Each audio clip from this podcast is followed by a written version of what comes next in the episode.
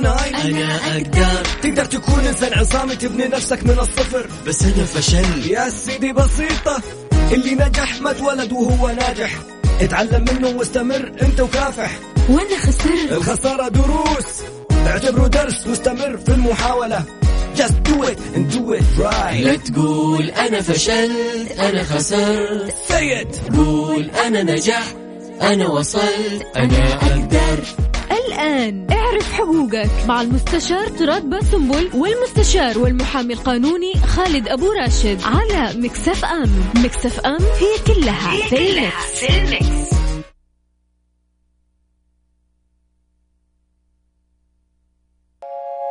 أخ يا حظ اللي في حضنك رماني واخ يا عيشة انقضت كلها ردية.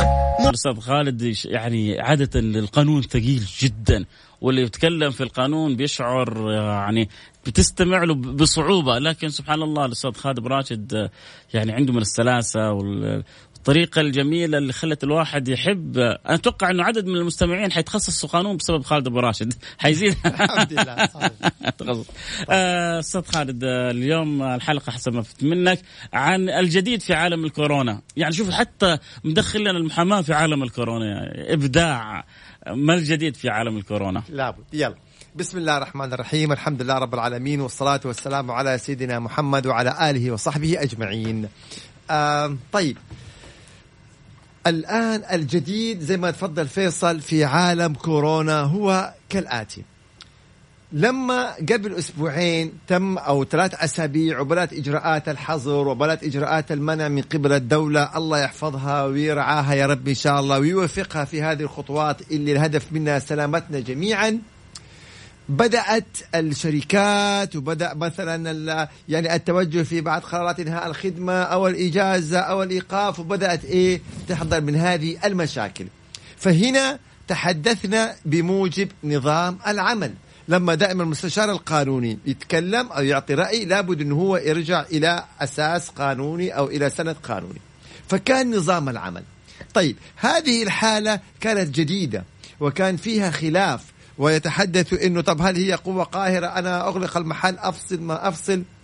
بعد الحلقة اللي قبل أسبوعين صدر القرار اللي هو من الموارد البشرية الخاص ب تعديل اللائحة التنفيذية لنظام العمل لأول مادة 41 وأنه كورونا قوة قاهرة وماذا ينتج عن ذلك. فكانت الحلقة السابقة اللي تحدثنا فيها وشرحنا عن هذا القرار وآلية تنفيذ هذا القرار. طيب بعد ذلك بعد ما صدر هذا القرار صدرت هنالك تفسيرات لهذا القرار من قبل المتحدثين أو من قبل المتحدث الرسمي لوزارة. الموارد البشرية أو نائب الوزير أو وكيل وزارة الموارد البشرية ليه؟ لأنه دائما الجهة التي أصدرت القرار هي الجهة التي تفسر القرار الجهة التشريعية هي التي لها الحق بتفسير هذا القرار يبقى هذا الأسبوع جديدنا هي التفسيرات للقرار الصادر قبل عدة أيام من قبل وزارة الموارد البشرية. وعشان أدخل في التفسيرات ما راح أجي بشكل يعني مباشر على التفسيرات. البعض لبس على الأمر. هيقول نظام عمل وقرار وزارة موارد بشرية وتفسيرات. يبقى هنا حتكون المسألة يعني البعض حيلتبس عليها. لذا حأختصر اليوم هذه سلسلة هذه الإجراءات بشكل مختلف ومتدرج وأوضح ما هو الجديد أو على قولتهم عطنا الزبدة في هذا الأسبوع. فخلوكم معنا نبدأ على بركة الله. أولا لما صدرت الإجراءات الاحترازية من قبل الدولة صدر القرار الخاص بالموارد البشرية تعديل اللائحة التنفيذية لنظام العمل. يعني اليوم المنشأة التجارية أولا المنشأة التجارية التي استفادت من دعم الدولة التي استفادت من ساند لا يحق لها إنهاء خدمات العاملين. إذا رقم واحد إحنا نأخذها بهذا التسلسل. رقم واحد المنشأة التجارية. التي استفادت من دعم الدولة لا يحق لها إنهاء خدمات العاملين. سعودي أو غير سعودي بناء على كورونا إنه هي قوة قاهرة. ننتبه عامل غاب 15 يوم عامل انطبقت المادة 80 حسب نظام العمل ده موضوع آخر. إنما بمسألة كورونا. هذا الكلام اسألوني أنت من فين جبتوا؟ قرار الموارد البشرية بتعديل اللائحة 41 نص صراحة في إحدى فقراته أن إنهاء عقد العمل من قبل صاحب العمل إذا استفاد من دعم أو معونات الدولة فهذا الإنهاء غير مشروع. يبقى هذا رقم واحد. عشان يعني إيه؟ الأسئلة من الاسئله على طول نشوف. هذه المنشأة استفادت ما تنهي. طيب. هذا رقم إيه؟ رقم واحد. اثنين ممكن شخص يستفسر ويقول طيب هذه المنشأة ما قدمت على ساند. أنا ما قدمت على ساند كمنشأة منشأة يعني مؤسسة أو شركة أو ما إلى ذلك وأنا ما قدمت على ساند ما استفدت اذا أنا أفصل. أيضا لا. وهذا الجديد بناء على التفسير ما هو إحنا لما يعني آه نتحدث بالإفتاء في القانون إما نرجع إلى نظام عمل إما إلى قرار وزاري إما إلى تفسيرات هذا القرار من قبل الرسميين المتحدثين الرسميين الذين يمثلون هذه الوزارة. فلنرجع لوكالة الأنباء السعودية قبل عدة أيام في حسابها الرسمي في تويتر أشارت صراحة إلى تصريحات المتحدث باسم وزارة الموارد البشرية ونص صراحة على أن المنشأة التي لم تتقدم إلى ساند بطلب الدعم تعتبر غير متضررة ولا يحق لها إنهاء خدمات العاملين. إذا اولا المنشأة اللي قدمت واستفادت لا يحق لها انهاء خدمات العاملين وهذا قرار الموارد البشرية. طيب اثنين المنشأة التي لم تتقدم لا يحق لها إنهاء خدمات العاملين وفصلها يعتبر غير مشروع لأنها تعتبر غير متضررة. تمام يا شباب؟ طيب تقدمت هذه المنشأة إلى ساند وما استفادت من الدعم. إذا هل يحق لها إنهاء الخدمات؟ هي تقدمت. إذا خلاص يعني يسقط عنها الشرط التي لم تتقدم وما استفادت. إذا هي ما إيه ما حصلت على دعم الدولة، يحق لها إنهاء الخدمات؟ لا. أولا كمان عندنا يجب أن تثبت إنها تضررت. ما في منشآت ما تضررت. زي ما وضحنا في الحلقات السابقة. في منشآت استفادت من كورونا ماديا. على سبيل المثال المنشآت الخاصة بالمواد الغذائية السوبر ماركتات وخلاف وخلاف والجهات المستثناة. إذا لابد أن تكون تضررت. طيب إذا يعني قدمت ثم ما استفادت ثم تضررت. أنهي خدمات؟ لا. لابد تثبت هذه المنشأة إنها عرضت على العاملين إحدى الخيارات اللي أشار إليها القرار الموارد البشرية. ما هي هذه الخيارات الثلاث؟ إنها تكون عرضت على العامل تخفيض أجره مقابل ساعات العمل الفعلية أو أو تكون عرضت على العامل إجازة بمرتب تخصم من رصيده أو تكون عرضت على العامل إجازة بدون مرتب أو مثلا إيقاف تنفيذ عقد العمل. والإثبات يكون على صاحب العمل على صاحب العمل. يعني لو راح العامل اشتكى القضاء العمالي حيسأل صاحب العمل أعطينا ما يثبت إنك أنت عرضت على العامل هذه العروض. من خلال طبعا أكيد وسائل التواصل الرسمية بينك وبين العامل إيميلات مراسلات محضر وما إلى ذلك. إذا نرجع نعيد. تكون منشأة ما استفادت من الدعم. وتكون قدمت على ساند ولم تستفيد. وتثبت الضرر ثم تثبت إنها عرضت على العامل هذه الخيارات. طيب لو قامت المنشأة بجميع هذه الخيارات أو الإجراءات والعامل رفض هل في هذه الحالة خلاص تنهي الخدمات؟ هنا نقول الكلمة الأخيرة للقضاء العمالي. نعم هنا لا نستطيع أن نجزم أنه يحق لها إذا أثبتت الضرر لكن نقول في هذه الحالة خلاص حيعود الأمر للقضاء العمالي. إذا كان حيقدر أنه نعم هذه المنشأة تضررت وحاولت وقدمت على ساند وما في فائدة فأضطرت إلى إنهاء الخدمات. يبقى هنا فيها إيه؟ أصبح نعم ممكن يكون في قولان والفصل الأخير للقضاء العمالي. بعد هذه الأربع الحالات إذا ما طبقت إحدى هذه الأربع الحالات الأربع الحالات جميعا لازم تطبقها. واحدة من هذه الحالات لو ما توفرت من بدري الإنهاء غير مشروع. هذا الكلام اللي أنا شرحته نستند فيه إلى نظام العمل وبالأصح إلى قرار الموارد البشرية بإضافة المادة 41 من اللائحة التنفيذية لنظام العمل وإلى التصريحات الرسمية التي صرح بها نائب وزير العمل نائب وزير الموارد البشرية ووكيل وزارة الموارد البشرية وفي وكالة الأنباء السعودية أيضا التصريحات الرسمية عن المتحدثين باسم الوزارة في هذه الجزئيات. إذا إحنا اختصرناها بهذه الطريقة. واحد اثنين ثلاثة أربعة. طيب أيضا في جزئية مهمة جدا. ما هو لما صدر القرار الأسبوع الماضي أكيد كانت في أسئلة واستفسارات مثلا وناس بتوضح أمور من هذا القبيل. خلونا نتفق أيضا قبل لا نأخذ يعني المجال للأسئلة والاستفسارات إنه كلمة إجبار غير واردة. كلمة إجبار العامل غير واردة. يعني أي سؤال يجينا ويقول الشركة أجبرتني على الاستقالة أجبرتني على الإجازة أجبرتني على تخفيض الراتب. أي كلمة فيها إجبار مرفوضة تماما وهو إجراء باطل من قبل الشركة أو المنشأة التجارية.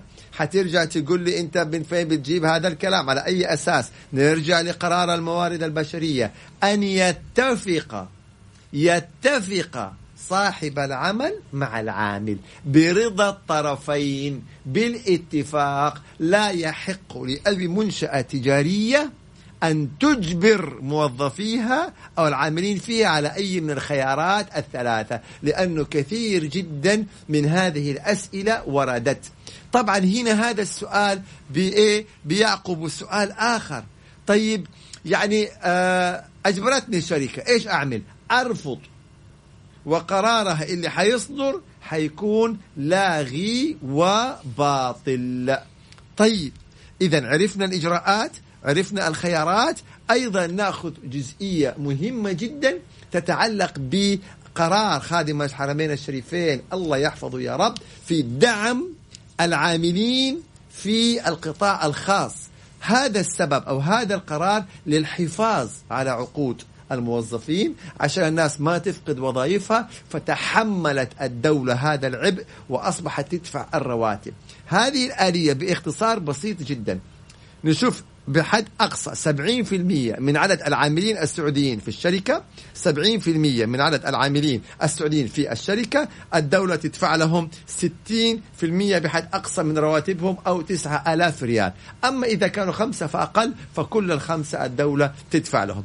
كان السؤال الذي ورد كثيرا طيب الدولة لو دفعت الرواتب ل 70% من عدد الموظفين السعوديين ماذا عن الثلاثين في المية الآخرين السعوديين اللي ما إيه ما جاتهم الدعم من الدولة.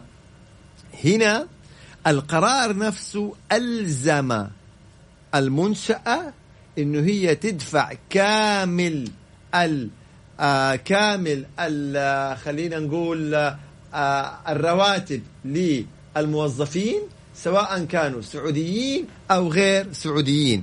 إذا نفس القرار ألزم المؤسسة أو المنشأة التجارية أنها تدفع باقي رواتب بالكامل لل 30% من السعوديين وغير السعوديين. طيب هنا كان في سؤال ونفس وزارة الموارد البشرية آه، أرسلت أو أصدرت نشرات سؤال وجواب سؤال وجواب. فكان من ضمن الأسئلة طيب إذا الدولة دفعت للسبعين في المية الثلاثين في المية ممكن أخفض رواتبهم؟ هنا نقول إنه الخيارات الثلاثة نعم متاحة في المية برضا الطرفين. يعني إذا الثلاثين في المية واحد طلب إجازة يبقى خلاص الحمد لله رب العالمين. واحد آه، طلب مثلا إجازة بدون مرتب يبقى الحمد لله. إذا تم الاتفاق بين الطرفين على تخفيض الأجر مقابل الساعات الفعلية فعلى ما اتفقوا عليه. طيب لو رفض العامل هتعرف 30% قال لا أنا أخذ راتب بالكامل. يبقى تلزم المنشأة إنها تدفع الراتب بالكامل للسعودي وغير السعودي حسب نص القرار. آخر جزئية لأنه ترى أصبح الآن يطل فيها يعني يقول لي يا أخي تطولت.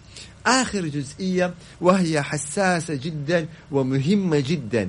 يقول لك طيب يا أخي الكريم الآن لو إنه عرضت أجبرتني الشركة. أو عرضت علي وأنا رافض. من حقي إني أرفض. نعم من حقك إنك ترفض. الشركة تفصلني. هنا أبغاك تعرف أنت كامل الحقوق اللي لك واللي عليك ثم توزن وتشوف ظروفك وتتخذ قرارك. تشوف تشيك أول مرة هل الشركة فعلا آه، استفادت من الدعم؟ يبقى ما يحق لها انهاء خدماتك ما قدمت يبقى ما يحق لها إنهاء خدماتك. ما عرضت عليك يبقى ما يحق لها إنهاء خدماتك. ما أثبتت الضرر يبقى لا يحق لها إنهاء خدماتك. تقدر تقول لا. حتيجي تقول تفصلني. يبقى فصلها غير مشروع. وحتدفع لك كامل مستحقاتك. ومكافأة نهاية الخدمة وحتدفع لك أيضا التعويض حسب نص المادة 77 إذا كان عقدك غير محدد المدة يبقى نصف شهر عن كل سنة من سنوات خدمتك بحد أدنى شهرين. إذا كان عقدك محدد المدة يبقى كامل رواتبك لنهاية عقدك كتعويض بحد أدنى شهرين. فإذا كان أكثر يبقى أكثر إلى نهاية عقدك. إذا ما في شرط اتفقت عليه جزائي. هنا أنت تعرف هذا الأمر. حتيجي تقول لي حتى لو حتنهي خدماتي وتدفع لي تعويض أنا أبغى أستمر؟ أيوة. هنا يبقى دورك أنت. إذا رأيت أن الشركة متضررة وفعلا يعني تضررت ضرر جسيم وحاولت معاك بالخيارات يعني أنت في نفس الوقت وما تبغى إنهاء خدمة حتى لو بتعويض يبقى أنتوا يعني سددوا وقاربوا شوف فين مصلحتك شوف فين يعني ها ممكن تقبل إحدى الخيارات أو يخفض جزء من راتبك يبقى هنا أنت إيه تعرف اللي لك وتعرف اللي عليك وقتها يكون قرارك والله يحفظكم جميعا. إحنا اليوم دائما لما نتحدث عن هذه الإجراءات وهذه الخطوات نشير إلى نستند إلى نظام العمل، نستند إلى قرار الموارد البشرية ونستند إلى تفسيرات الوزارة لهذا القرار. طبعا أيضا من ضمن الأسئلة بتقول لو انتهى عقد المحدد المدة. هنا اجتهادا مني نقول أنه قرار الموارد البشرية ينص على إنهاء العقد غير مشروع. إنهاء العقد. أما عدم التجديد ما نص عليه. لأنه عدم التجديد بالنسبة للعقد محدد المدة. إذا انتهى فانتهى. من أول يوم العقد انتهى. يبقى عدم التجديد هذا إجراء نظامي. آه إنهاء الخدمة خلال فترة التجربة الثلاثة شهور هذا إنهاء نظامي. فهذا ما هذا كله فيما يتعلق ب آه قرار الموارد البشرية وما يتعلق بالتفسيرات التي صدرت مؤخرا لأنه إحنا في دائما في برنامجنا نتابع أول بأول. والجديد اللي صدر قبل عدة أيام إنه حتى الشركة أو المنشأة التي لم تتقدم إلى ساند لا يحق لها إنهاء الخدمة لأنها تعتبر غير متضررة. فكانت القرارات الحكيمة من دولتنا حفظها الله تقييد والحد من مسألة إنهاء الخدمة قدر الإمكان والحفاظ على وظائف الموظفين وفي نفس الوقت وفي نفس الوقت ممكن يجي القطاع الخاص مثلا أو المنشآت يقول طب إحنا ما إحنا قادرين متضررين. الدولة تدفع لكم رواتب الموظفين في مقابل إنكم تحافظوا على عقودهم وعلى وظائفهم. فعلا الله لا يغير علينا. شوفوا دولتنا وشوفوا الإجراءات اللي بتتخذها معلش يا طلال طولت عليك لا، لا، لكن مستمتع يعني. أيضا الجزئية الأخيرة جدا والمهمة إنه الموظفين اللي الدولة تدفع لهم السبعين الستين في المئة من رواتبهم اجلسوا في منازلهم ولا يحق لصاحب العمل أن يجبر هؤلاء الموظفين أن يعملوا لديه في أوه. هذه الفترة ولا ساعات ولا من ولا البيت ولا ساعات ولا ولا أي شيء طالما أنت رفعت أسماءهم إلى الدولة وإلى الساند وقلت إنه أنا نشاطي تضرر وهؤلاء أصبح يعني لا حاجة لي بها ففي هذه الحالة لا حاجة لي بهم ففي هذه الحالة الدولة قالت لك طالما ما لك حاجة حافظ على عقودهم وأنا يا دولة أدفع لهم رواتبهم في بيتهم مم. فواضحة هذه الجزئية. هنا أنا حاولت أختصر لكم وتسلسل الأحداث وإيش اللي يحق وإيش اللي ما لا يحق.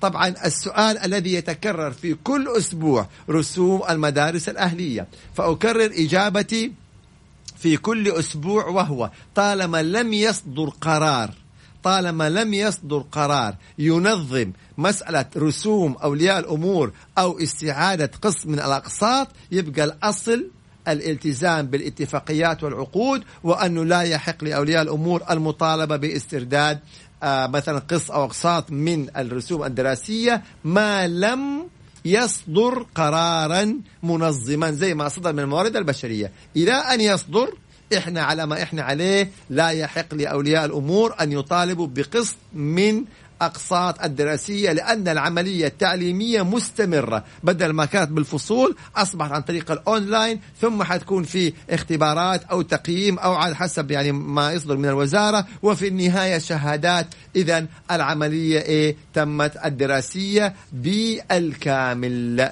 هذا يعني يطراد باختصار خلينا نقول تسلسل الإجراءات منذ بداية الإجراءات الاحترازية التي قامت بها دولتنا مملكتنا الله يحفظها ويبارك لنا فيها ومرورا بقرار الموارد البشرية وقبله قرار خادم الحرمين الشريفين بالدعم وانتهاء إلى آخر تفسيرات قبل يومين. هذه المتابعة أول بأول. فإن كان هنالك جديد في المستقبل والله أحيانا نتابع معاكم هذا الجديد.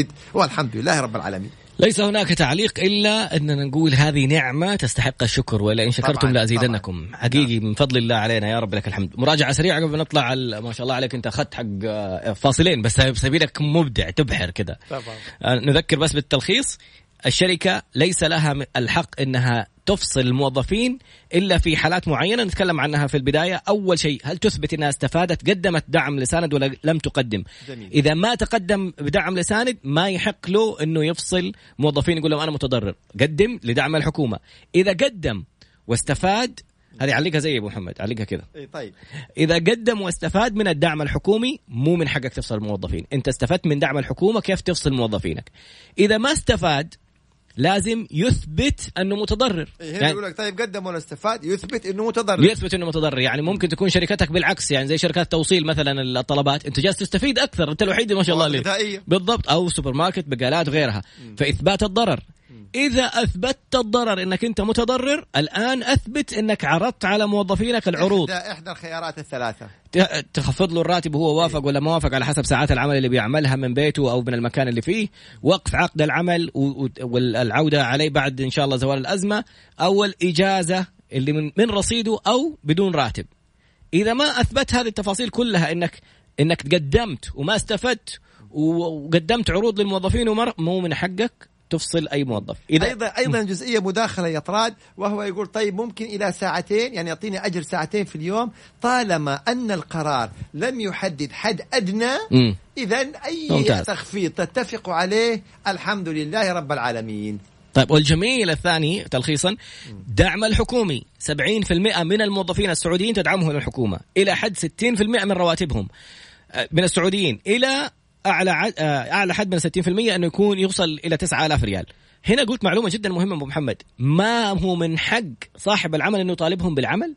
يعني نهائيا الدولة اللي بتدفع لهم الرواتب. وأنا أنت أكم- تشغلهم ليه؟ يعني بالمنطق. يعني ماني فاهم الدولة تدفع لهم لأنه أنت اللي قلت هذول الزايدين عن حاجة العمل. خلاص. الدولة أوكي. الله. يجزاها خير بتدفع لهم الرواتب إلى حين انتهاء هذه الأزمة. طيب. يعني والله دعم من الدولة مهما شكرنا. لن نستطيع أن نوفي قدر هذه الإجراءات من سيدي خادم الحرمين الشريفين الملك سلمان الله يحفظه. سيدي ولي العهد بن محمد بن سلمان الله يحفظهم. ما نملك غير أن ندعي لهم الله يوفقهم ويسدد خطاهم وينصرهم يا رب. طب سؤال مهم والله فعلا الواحد حاسس إنه كأنه في بيت وأبوه جالس يصرف عليه. فالفكرة الآن أنا ما أطالبه بالعمل. طب ال 40% من راتبه كمان أدفع له إياها؟ أيوه. أكمل له الباقي. لا لا. لا نحن ننتبه أيوه هذا سؤال مهم نقطة، جدا. أي. برافو عليك. الدولة بتدفع 60% من أجورهم. انت غير ملزم انك تدفع يا صاحب العمل باقي ال 40% أوكي. لا هذه جزئية جدا مهمة. خلاص الدولة هي التي إيش؟ بتدفع لهم ال 60% هذا هو. انت تدفع لل 30% من المتبقي. الموظفين اللي ما دفعت لهم الدولة مم. اللي ما شملهم الدعم. كامل راتبهم. الدولة حتدفع لل 70% طب ال 30% تدفع لهم كامل الرواتب. ما خلاص طب انت كمان يعني ما الدولة دفعت لك 70% للموظفين. يبقى انت على الأقل أدفع حق ال 30% للسعوديين وطبعا غير السعوديين. أيضا للتوضيح الأخير إنه في هذه العروض والخيارات قرار الموارد البشرية اللي هو تخفيض الأجر أو الإجازة من أو كذا تشمل السعودي وغير السعودي لأن نظام العمل مش نظام العمل قرار الموارد البشرية نص على صاحب العمل والعامل لم يقتصر على جنسية محددة. هذه هي إيش؟ الجزئية. واتفقنا ما في شيء اسمه إجبار اللي يقول الشركة أجبرتني إجراء باطل. وبدأ تساؤلات كثيرة. نذكر بأرقام التواصل. راسلنا على الواتساب الخاص بالقناة 054 88 11700 054 88 11700 وبدأت ما شاء الله الأسئلة في الفقرة القادمة بعد قليل. تساؤلات كثيرة أرجو من من الجميع أنه إذا بيقرأوا رسالتهم أو سؤالهم على الواتساب. بعد قليل نتابع إن شاء الله. Mix FM, it's all in the مرة أخرى ما شاء الله تبارك الله تفاعل خرافي على الحلقة بشكل كبير جدا. أسئلة متنوعة أحد الأسئلة تقول آه، تاريخ توظيفي مسجل في التأمينات الاجتماعية بتاريخ واحد خمسة.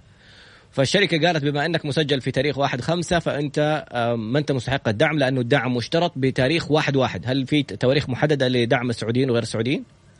والله القرار اشترط على انه طبعا يتم الرفع بالمسجلين آه مثلا بعد صدور هذا القرار في التاريخ اللي حي يعني إيه اللي حيصدر فيه له. فإذا كان عاد في شركات رفعت وغير مستوفية للشروط مم. في موظفين قدمت لهم غير مستوفين يبقى دي مسألة إجرائية مم. تخضع بينهم وبين التأمينات الاجتماعية طب أنا فرضنا أنه أنا شركة وقدمت لازم أثبت لموظفي أنك أنت ما أنت من الناس اللي أخذوا الدعم أوريه أنه أنا هذه الأسماء اللي دعمت هذه الأسماء اللي ما دعمت بالعكس اللي ما اخذ الدعم معناها إنه الم- المنشأة ملزمة تدفع له كم راتب شكرا لا أنا معك على. راتب راتب كامل هذا السؤال حقه يقول بالضبط. إذا أنا ما حصلت إذا ما على حصل على الدعم وغيره حصل على الدعم يأخذ راتبه بالكامل أنا لأن. القرار نص 70% تدفع لهم الدولة مم. 30% أنت يا صاحب العمل ملزم إنك تدفع لهم كامل أجورهم أو الاتفاق معهم على أو الاليات إذا اتفقوا على أمر آخر جميل بالضبط. جدا بالضبط آه، الرسالة الثانية يقول لك أنا آه، يعني غير سعودي هل يحق لي أني أشتغل في شركات التوصيل؟ والله هذه تخضع للأنظمة. أنا ما عندي خبر عن الأنظمة. أها. هذه جزئية. يعني إذا ترجع فيها أنه كإيش شروط العمل بالنسبة للشركات. لأنه آخر شيء أعتقد يعني أعتقد أنه صدر قرار أنها تكون مقتصرة على السعوديين. بس ما أبغى أفتي في هذه. يعني أي. اللي هي خدمات التوصيل يرجعوا للجهات المنظمة لهذا الأمر. جميل. في سؤال أسئلة قانونية في القضايا في في. سؤال جميل جدا. أنا يقولون كلهم شغالين توصيل. أنا مالي يعني الأمور الخاصة بالإجراءات التنظيمية أنا لا علاقة لي بها. هنا سؤال جدا جميل. لو سمح آه، لو سمحتم هل تسويق بالعمولة يخالف الأنظمة آه، أنظمة العمل والإقامة؟ وشكرا. لا طبعا. لا مم. نهائيا. أنت الأجر وبالعكس أغلبية أو أغلب اللي يعملوا في مجال التسويق لهم نسبة على التسويق. في المبيعات وفي الإعلانات وفي التسويق فيأخذ نسبة. مم. فهذا أمر نظامي طالما أنه يعمل لدى الشركة بعقد نظامي. وإن كان غير سعودي فهو على كفالة الشركة. مم. وطبيعة عمله تسويق ويأخذ أجره وثم يأخذ أيضا نسبة يبقى هذا إجراء نظامي 100% لازم أجر ونسبة. يعني أنا مثلا لا أبغى مو أوص- شرط ممكن أجر فقط لا غير. أو نسبة فقط. تبغوا تتفق؟ يعني هو يقول لك لابد أن يكون هنالك أجر. إما أجر شهري أو أجر مثلا يومي أو أجر آه آه أسبوعي. فلا بد يكون في الأجر. أيوه okay. فمسألة النسبة اتفقوا على الأجر يعني. ويحطوا نعم. نسبة. نعم. جميل. سؤال ثاني يقول لك زوجتي كانت تعمل في محل حلويات والآن مع الإغلاق توقفت ما نزلوا لها راتب. يقول بسبب موضوع الحظر.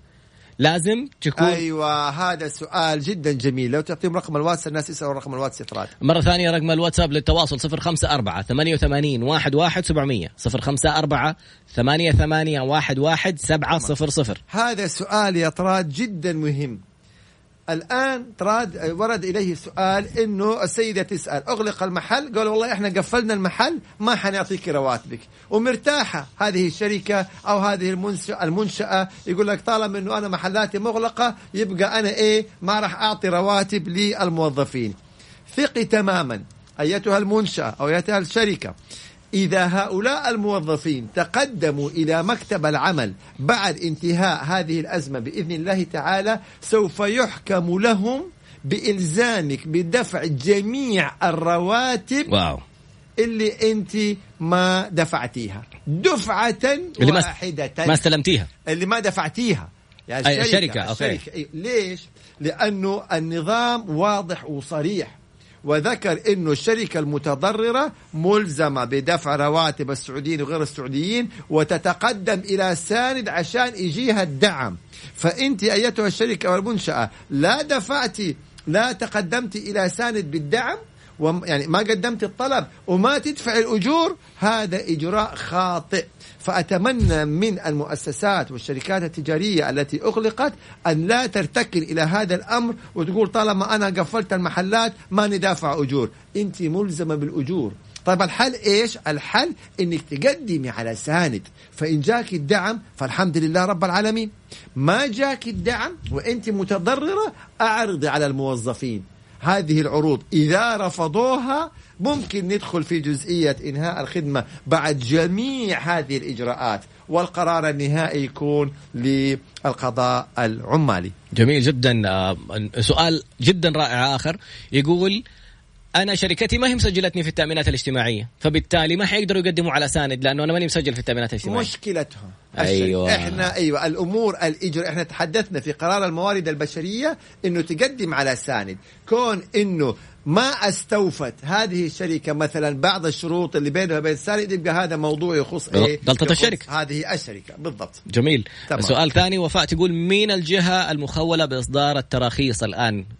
إنه الناس وزاره الداخلية. أيوة الآن هذه حسب القرار يعني كيف إنه كل جهة من القطاعات الخاصة على سبيل المثال الحيوية اللي تتطلب وجود الموظفين إنه هم يرفعوا إلى الداخلية طبعا أو إلى مرجعياته في الوزارات ثم إلى الداخلية يعني في إجراء معين في الأخير وزارة الداخلية. في الأخير وزارة الداخلية. هذه الجهة ترفع وهذه الجهة ترفع وهذه الجهة ترفع ثم تأتي الموافقة من عدمها أو إصدار التراخيص من فين؟ من وزارة الداخلية كتراخيص موحدة. وإن شاء الله في الحلقات القادمة حنتحدث عن قضية التزوير مم. واللي أمس تم القبض عليهم المزورين للتراخيص لأن هذه فيها تفاصيل. 93 ألف ريال. تفاصيل. البعض يعتقد انه العقوبة فقط على اللي قام بالتزوير. مم. ما حنخرب الحلقات. خليها في الحلقات القادمة أبو محمد حتبرد قول هذا الحين تعالى. لا لا خليها في الحلقات القادمة بامر الله تعالى طيب آه، شخص يقول أنا موظف في شركة تأمين وبيطالبوني بالعمل عن بعد. حقهم طيب okay استنى أيوه. نكمل سؤال. من حيث المبدأ. هل يحق للشركة تخفيض راتبي بعد أن طلبت مني العمل عن بعد بسبب الوضع الحالي؟ ويقول أنا لا يشملني ساند. ماني عارف ليش قصده ما يشمل ساند. طيب إحنا ما ندخل كثير يا طراد في جزئية الإجراءات وينطبق التأمينات أو ما ينطبق التأمينات. نتحدث إنه طالما أن هذا الموظف يعمل عن بعد اذا الشركة ملزمة إنه هي تدفع له كامل أجره لأنه بدل ما بيعمل في المكتب بيعمل إيش؟ من منزله بيأدي نفس العمل. هذا رقم واحد. اثنين إذا أرادت الشركة تخفيض الراتب يبقى يجب أن تعرض على العامل وأن تتفق مع العامل. اذا الأصل طالما إنه هو يعمل عن بعد إنه هي تدفع له كامل أجره. اتفقوا إنه والله طيب أنت بتعمل عن بعد ولكن أعمل لنا ثلاثة ساعات. أعمل لنا أربع ساعات. اذا على ما اتفقوا عليه وهنا في ملاحظة جدا جدا جميلة وهي الاتفاق خطي. هنا أقول آه. أرجوكم رجاء خاص. أي اتفاقات تتم مع العاملين على تخفيض الأجر أو مثلا على الإجازة بمرتب أو إيقاف العقد أو إجازة بمرتب أن تكون اتفاقات خطية إما باتفاقية خطية بين الطرفين أو بمراسلات إيجاب وقبول. يعني أرسلت العرض وجاتك الموافقة خطية لأنه حندخل في لو يعني الله إن شاء الله تعالى إذا إن شاء الله إنه لما يزيح هذه الأزمة بأمر الله تعالى ويعود القضاء العمالي تمام؟ حيطلب إثباتات فما نبغى ندخل إنه والله أنا عرضت على العامل وأرسلت له واتساب وكلمته ووافق لي وحلف يمين. خلوا كل شيء موثق مكتوب لأنها جزئية جدا حساسة. وعبء الإثبات سوف يقع على صاحب العمل إنه عرض وأن العامل رفض. يعني لو جاء العامل في القضاء العمالي وقال والله الشركة ما عرضت علي وبالتالي أنا ما أبغى رواتبي بالكامل حيعود القضاء العمالي على الشركة حيقول لها أثبتي أنك عرضتي على العامل وأثبتي أنه رفض. فالإثباتات تكون خطية الأسلم. ما صارت خطية حنرجع لشهادة الشهود وحنرجع لتحليف اليمين ودخلنا في تفاصيل. والله سؤال جميل. واحد يقول أنا موظف في المحكمة ورئيس القسم ألزم البعض منا بالدوام. هل يحق له اختيار من الأشخاص اللي يلزمهم بالدوام؟ إيوه هنا طبعا إحنا نرجع إنه بالجهات الحكومية في توجيهات صادرة إنه يعني يتم تحديد الحد الأدنى قدر الإمكان من الموظفين لإنجاز الأعمال عشان ما يكون في تجمعات وما يكون في يعني طبعا نقل العدوى الكورونا. فهذه توجيهات رسمية صدرت من الحكومة إنه يتم تقليل قدر الإمكان يعني الحاجة الفعلية الماسة للتواجد في مقرات العمل والباقي بيعمل ويصير عن بعد ويؤدوا اعمالهم عن طريق يعني عن بيوتهم نعم. وبالتالي المدير في كل قطاع حكومي أو المسؤول هو الذي يقرر مين اللي يبقى ومين اللي يعني إيه يستمر عمله من عن حقه. بعد نعم. سؤال جميل آخر يقول لي أنا مثلا إذا كنت من ال 30% شركة تدفع لي راتبي الكامل عن فترة خلاص إذا هو رواتب طيلة فترة الإجراءات هذه الإجراءات. إلى أن تنتهي يقول الرواتب ما قبل فترة إجراءات الحظر الراتب المفروض يجيني كامل طب حتى هو الآن راتبه كامل أي. 30% أي. يستمر راتبه كامل 30% للتوضيح. ال 60% أو إذا أتفقوا على تخفيض الأجر هو اللي حيكون لفترة مؤقتة. إلى حين زوال بأمر الله تعالى هذه الأزمة وهذه الإجراءات يعود كل شيء كما كان. يعود كل شيء كما كان. يعني ترجع الأجور بالكامل وترجع الأمور بأمر الله تعالى. هي بس إحنا دائما نرجع نكرر ونقول يا طراد هي أزمة. يعني لابد إنه نتعاون. ومن الصعب إنه كلنا في هذه الأزمة ويجي طرف يقول أنا ما أبغى أتضرر ولا واحد في المية. الضرر وقع. يبقى نتعاون عشان تخف آثار هذا الضرر. يعني آه، صاحب العمل قدر الإمكان ما ينهي خدمات آه، يدفع أجور بقدر ما يستطيع والعامل ممكن يتنازل شوية في مقابل الحفاظ على الوظيفة. هي كلها فترة وتعدي علينا بأمر الله تعالى يا رب. جميل. سؤال آخر مختلف أبو محمد ونقطة هامة عشان في آية في القرآن ع- تنص على إنه إذا ما دخل عليها زوجها يستحق إنه يرجع نص المهر أو إنه مين يتنازل عن الثاني. تقول زوجي طلقني قبل الزواج بشهر ونص تقريبا. لحظة. آه. هذا السؤال الصيغة خاطئة طيب. كيف طلقها قبل الزواج؟ يعني عقد قران فرح. إنه أيوه هي عقد خلينا نوضح بس إنه عقد القران هذا زواج زواج. الملكه مم. هذا زواج قبل الفرح. سووا ليلة حفلة ما حفلة هذه مسألة لا علاقة بها جميل. طالما حصل عقد النكاح الرسمي مهم. تم الزواج ممتاز تم الزواج سووا عقد النكاح جاء قبل ال- ال- احتفالية الفرح إيه. قبل بشهر أن يدخل عليها بالضبط طلقها طيب وراح ترفع القضية في المحكمة يطالبها بإعادة نصف المهر أيوه هنا والقضاء ينظر فيها. القضاء نعم، ينظر. القضاء ينظر. فهي بتقول إنه جاها طلب؟ لحظة لحظة. طلقها. أي. طيب. هو اللي طلق؟ اي يعني خلاص طلقها انتهينا طيب. لا يبغى نص المهر اللي دفع بعد. ما طلق؟ بعد ما طلق يعني إلى حد كبير راحت عليه إذا ثبت إنه طلق مهم. وانتهت العدة وأصبحت باينة بينونة صغرى مهم. خلاص راحت عليه بس في. المفترض قبل ال... أيوه قبل مم. الآية أنا عارفها قبل ما يطلق يعني مثلا يقول له أنا ما راح أطلقك أيوه. إلا إذا دفعتي لي المهر نصف المهر مبلغ أكثر مبلغ أقل تمام هو طلق مم. فحيعود في النهاية القرار النهائي للقضاء يعني روح المحكمة وشوفي واشرح للقاضي قولي له أنا ما عندي الإمكانية إني أنا مو اسدد موضوع ما لا ما له علاقة. هي تفضل القاضي إنه طلقني وانتهت العدة وأصبحت بينونه باينه بينونة صغرى. ثم بعدين يقول لي رجعي نص المهر. طب أنت طلقتها وانهيت الموضوع بالكامل. خلاص. ولكن دائما نقول الكلمة النهائية للقضاء. للقاضي. تمام. الفقره القادمة بعد قليل بإذن الله وحتكون طبعا فقرة الأسئلة نبغاها متاحة يعني ما هو بس في في أزمة كورونا مم. في قطاع العمل. الإيجارات المقاولات يعني مختلف الجوانب القانونية طبعا. بعد قليل نتابع بإذن الله. عدنا مرة أخرى وحلقتنا أو فقرتنا الأخيرة حلقتنا بسم الله علينا. فقرتنا الأخيرة والأسئلة متنوعة جدا. عجبني هذا السؤال. يقول لك شركتي أصدرت لنا تراخيص عشان ال- الحظر وال- والتجول. يقول لم يختموا ال- ال- الموضوع من وزارة الداخلية. إحنا اتفقنا. أنا والله أنا الإجراءات ماني مهم فيها الإجراءات التفاصيل هذه. لكن إحنا قلنا لابد أن يكون ترخيصه النهاية صادر من وزارة الداخلية. هذا. ومستوفي كامل الشروط مهم. لا يدخلوا بعدين فيها في تزوير ولا في مصيبة مم. لابد يكون مستوفي كامل الشروط هو سؤاله أنا إذا رحت بالتصريح اللي أعطوني إياه وأخذت مخالفة هل يحق لي أني أنا أطالبهم أرجع عليهم هم بسداد المخالفة؟ إذا كانت المخالفة بسبب قصور في استكمال إجراءات الترخيص لا علاقة للموظف به فنعم يعود على الشركة. حلو. هي السبب والقصور من هذه الشركة في هذه الحالة. هل يحق لي ما أروح أداوم أقول لهم ما ختمتوها ماني رايح أداوم؟ بلاش الحركة دي يعني يا شباب يعني قدر الإمكان لا تتحرشوا في بعض. يعني في فترة الآن تر- لأنه اتفقنا اللي ما حيداوم بدون سبب غياب. لكن ممكن لو جاء قال أنا والله ما حدام أنتم ما اديتوني الترخيص بشكل كامل ونظامي أنا حاتغرم هنا إلى حد كبير نعم لو الشركة اتخذت عليه إجراء وراح رفع قضية في مكتب العمل وأثبت إنه عدم قدرته على الدوام ليس بسبب منه ولكن بسبب من الشركة فقد أن القضاء العمالي يلزم الشركة ويلغي قرارها. هنا كان جاني سؤال يقول هل يحق للشركات أو المؤسسات المنشآت التجارية فصل الموظف بدون سبب؟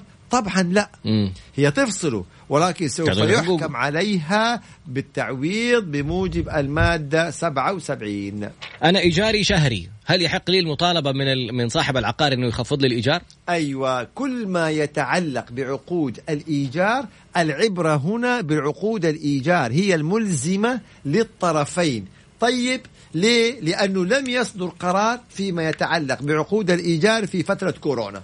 صدر قرار في الموارد البشرية فيما يتعلق بالقوة القاهرة ونظام العمل في فترة كورونا.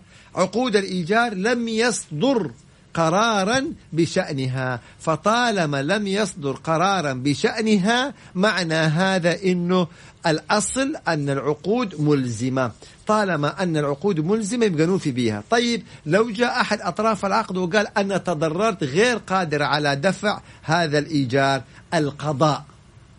القضاء هو الذي يقرر. إذا هذا ال- الطرف يبغى يفسخ العقد هنا عن طريق القضاء. ليه؟ لأنه الأصل الالتزام بالعقود أي استثناء أو فسخ الذي يفتي فيه القضاء. في هذه الحالة لأن جميل. هذه حاجة حتكون تقديرية. القضاء هو الذي إيه؟ يقدرها.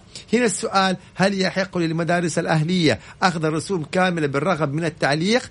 الدراسة مستمرة. اللي اختلف انه كانت الدراسة في القاعات ال- يعني في الفصول القاعات الدراسية أصبحت عن بعد فهي مستمرة. وفي الأخير في شهادات يبقى رسوم الدراسيه تستحقها المنشآت التعليم الخاص الدراسية.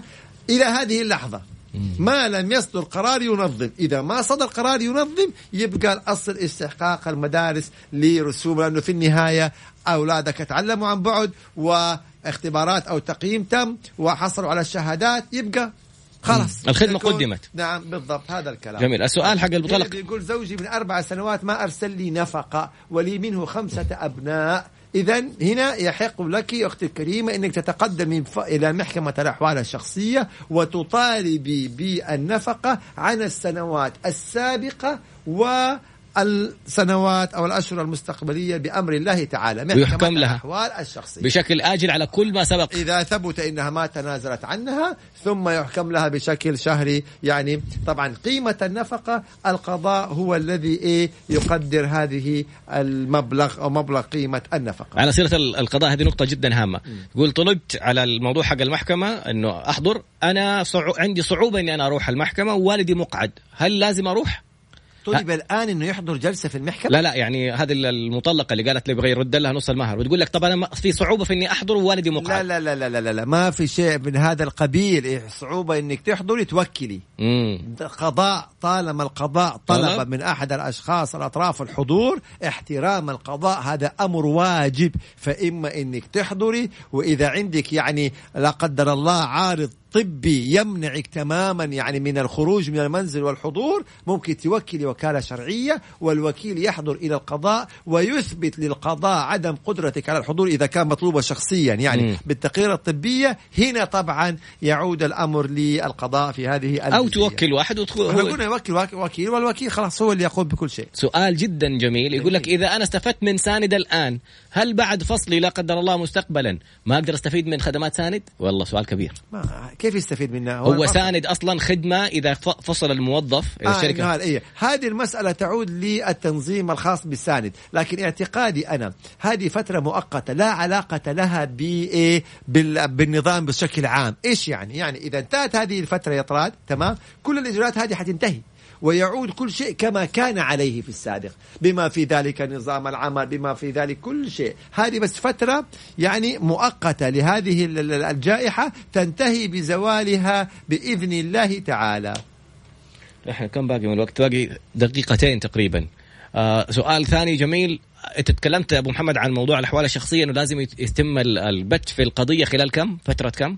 في قضايا الأحوال الشخصية أنه خلال شهر من تاريخ أول جلسة يكون البت في القضية بإذن واو. الله تعالى. ما شاء في الله. جميع ما هو مطروح في القضية حضانة نفقة آه، زيارة طلاق خلال شهر من تاريخ أول جلسة قضائية بإذن الله تعالى. هذه رساله للجوج تقول أنا من 17 سنة أطالب بنفق بنفقتي ما روح إلى محكمة الأحوال الشخصية خلال شهر. انتهى الموضوع. هذا الكلام المضبوط لأنه الناس يقول لك أنا طالب طالب. تسأل لو رحت المحكمة؟ لا. يقول لك طيب كيف أنا طالب؟ فهنا فلا بد إنه أنت تتقدم إلى أو تتقدم إلى محكمة الأحوال الشخصية برفع دعوى قضائية، إحنا دائما نطالب بالود، والله الود حصل كان بها، ما حصل يبقى ديك الساعة على طول إيش؟ ب عن طريق القضاء بإذن الله تعالى. جميل. تقول لك وصلتني رسالة إنه الشركة خفضت من رواتبنا 25% كذا خلاص. هذا قرار باطل. هذا قرار باطل. ما في شيء إنه جاتنا رسالة بالتخفيض. القرار الصادر من الموارد البشرية واضح وصريح. باتفاق الطرفين. إذا ما في اتفاق كل هذه القرارات بالخصم أو بتخفيض الأجر أو بالإجازة باطلة ومخالفة للنظام قدموا رد برفض هذا الإجراء وانه أنتم ملتزمين بالعمل ومداومين في العمل بكامل الأجر. ما ردت عليكم الشركة. أستمروا في دوامكم ومع أول يوم. تفتح فيه القضاء العمالي أبوابه روحوا على القضاء على طول ويحكم لكم بكل الذي خصم منكم الفترة السابقة لأن الإجراء كان باطلا وما بني على باطل فهو إيش إطراد؟ باطل. أستاذ كبير. حبيبي. نعم. هل إنهاء الخدمات والمهلة آه، ملغاة في, في الوقت الحالي أم مستمرة علما بأن خطاب إنهاء الخدمات صدر في تاريخ 27 فبراير؟ ماذا يقصد بالمهلة؟ يعني قصده اللي يعني فتره الإنذار. إي. لا طيب هو الآن حينهي خدماته متى؟ انتهت خدم... قالوا له بعد 27 فبراير مع السلامة. انهوا خدماته. فهل زي 77 أيوه يعني هل إذا كان القرار هذا باطل يبقى حتنطبق عليه المادة 77 إحنا هنا نرجع إنه ما هو السبب إنهاء الخدمة. إذا كان سبب إنهاء الخدمة مشروع فاذا الإجراء صحيح. مو مشروع يبقى إيش؟ آه، تعويض 77 كان السبب مشروع لكن ما اعطوا له الشهرين الانذار ينحكم له بالشهرين أو الشهر أو المتبقي من شهري الإنذار. لا، 77 لكن خلاص. نرجع إحنا النظام. أي. هل السبب مشروع أو غير مشروع؟ إذا غير مشروع يبقى ما في 77 افراد مجرد يأخذ مستحقاته. أما إذا على المادة 80 يبقى ما له أي مستحقات. يعني إذا غلط أما إذا كان غير مشروع يبقى لا 77 ويأخذ التعويض زائد المستحقات. يبقى إحنا هنا نرجع ل إيه كذا. هنا هم بيقول هل عرض الاتفاق بين المنشأة والعامل يختلف على حسب كل عامل أو الجميع كله دفعة واحدة؟ لا على حسب كل عامل. ممكن عاملين أنا أخفض أجرهم إلى ساعتين ممكن عاملين ست ساعات ممكن عاملين ابغاهم يداوموا. العمل يتطلب دوامهم. اذا لا يشترط إنه يكون الجميع يعني. أطراد أشر و يعني نتمنى لكم واحد آه،. نهاية رقمك 33 8 7 من أول يقول الله يسعدك بسرعة يلا والله جاوبنا على سؤالك. إذا ما كنت من الفئة المشمولة من الدعم فأنت تستحق راتبك كامل. على 30% أنت من الدولة 30% تدفع متبقي. 70% على 30% راتبهم ياخذوه كامل بإذن الله تعالى. آخر سؤال هو الأخبار دخلت أصلا. هل يحق لصاحب العمل خصم بدل المواصلات من الراتب من الوضع الحالي؟ كذا أقول لك فجأة شلت لك بدل المواصلات. هذا يخلي القضاء القضاء يبت فيها. الاصل الالتزام بالعقود ونظام العمل. سبحانك اللهم وبحمدك أشهد أن لا إله إلا أنت أستغفرك وأتوب إليك. كنت تستمع إلى برنامج أعرف حقوقك ضمن برنامج أنا أقدر اللي يجي من من الساعة 2 إلى الساعة 3 كل خميس أعرف حقوقك من الاثنين إلى الأربعاء أنا أقدر. نشوفك إن شاء الله أنا أشوفك يوم الاثنين. ونشوف أبو محمد إن شاء الله المستشار القانوني المحكم الدولي المحامي خالد أبو راشد الخميس القادم بإذن الله. في أمان في خميس قادم ولا رمضان؟ لا الخميس إن شاء الله الخميس القادم موجود. رمضان ممكن يكون جمعة يعني على حسب التقييم. والله أعلم. سبحان طبعا الله. يعني الله. شكرا محمد. أهلا وسهلا يا طلال. وياك